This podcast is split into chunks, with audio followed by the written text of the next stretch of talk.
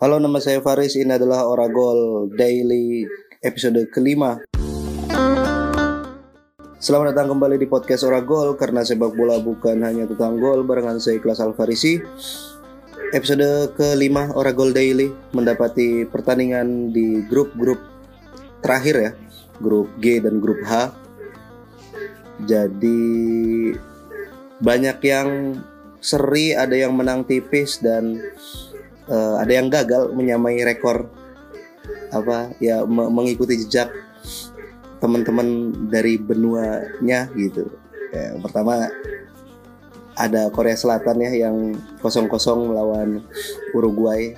Uh, setelah kemarin ada euforia Arab Saudi ngalahin Argentina, terus uh, Jepang yang apa namanya membuat skenario yang tadinya fiksi menjadi nyata uh, satu menaklukkan Jerman dan Korea gagal me, ya mengikuti jejak negara tetangganya lah. Mungkin Korea melihat hasil pertandingan Jepang sama Argentina tuh mungkin sedikit ter, terinspirasi ya, tapi Uruguay main cukup uh, apa ya dibilang disiplin juga enggak tapi mereka juga gagal juga gitu untuk untuk bikin kemenangan melawan Korea Selatan kayaknya Uruguay ini pemain-pemainnya masih masih individual individual ya belum benar-benar nyatu gitu nggak tahu lah. Kayak ngelihat Darwin Nunez terus siapa? Federico Valverde gitu. Tapi di pertandingan ini Fede Valverde sukses jadi man of the match ya. Tapi walaupun harus berbagi, berbagi poin gitu sama Korea Selatan. Itu. Terus ada Brasil yang menang lawan Serbia. Di pertandingan di pertandingan ini di pertandingan ini Neymar harus ditarik lebih awal karena di tackle sebanyak 9 kali dan penampakan ankle-nya cukup mengerikan ya bengkak. Dan pihak medis bilang kayak katanya tulang ankle-nya agak geser jadi akhirnya dia cedera dan kemungkinan pertandingan kedua itu tidak bisa di diturunkan gitu. Tapi yang menarik di pertandingan ini ya kemenangan 2-0-nya Brasil itu diraih dengan caranya Brasil gitu. Maksudnya ya ketika pertandingan-pertandingan sebelumnya gitu sepak bola itu terukur gitu. Sepak bola itu mulai benar-benar efektif gitu. Ngelihat Spanyol deh, Spanyol, Jerman, Inggris juga udah mulai gitu gitu. Udah udah udah kick and rush-nya udah udah tau lah gitu. Tapi ngelihat Brasil tuh kayak ya ini gitu sepak bola tuh kayak gini dinikmati, disenangi gitu. Uh, momen puncak momennya adalah ya golnya Richard Listen yang salto itu ya bahwa apa ya apa prinsip apa mengukur eh, gimana sih perbanyak mengukur kurangi berekspektasi itu di kehidupan sehari-hari aja kalau kalau main bola di lapangan mah udah gitu gas aja gitu pengen nendang nendang pengen pengen ngesut ngesut gitu nggak apa-apa berekspektasi gitu nggak terlalu nggak usah terlalu banyak mengukur karena nanti sisi-sisi karena nanti sisi entertainmentnya dari sepak bola itu kayaknya bakal terkikis ya gitu.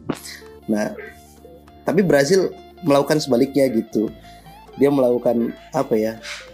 Aksi-aksi yang yang bukan dilakukan dengan dengan dengan rasio, dengan dengan ukuran, tapi dengan rasa gitu.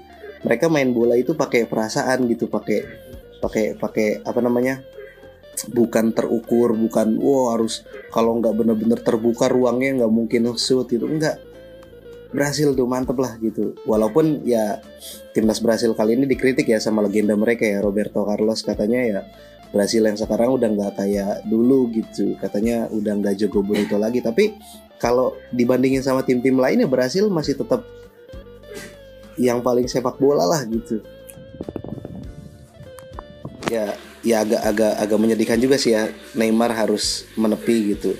Tapi nggak tahu kita kita tunggu aja kabar selanjutnya kayak gimana. Terus yang terakhir ada pertandingannya Portugal versus Serbia ya. Dan di pertandingan ini eh Portugal versus Ghana deng. Sorry sorry sorry. Portugal versus Ghana. Dan ada aksi saling membalas gol tapi kemudian dimenangkan oleh Portugal ya 3-2 dan di perta di gol pertama ada Ronaldo yang mencetak gol via penalti uh, ketika berhasil menggosok voucher akhirnya ya Ronaldo berhasil mendapatkan gol lewat titik titik penalti dan menjadikan dirinya menjadi sebagai manusia pertama yang mencetak gol di lima Piala Dunia berturut-turut.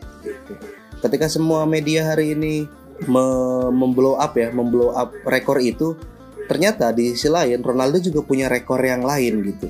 Ronaldo itu dia menyamai rekornya Anjung Huan sebagai pemain yang dipecat dari klubnya setelah Piala Dunia. Waduh, jadi dia jadi pengangguran gitu setelah Piala Dunia. Makanya dia agak emosional ya.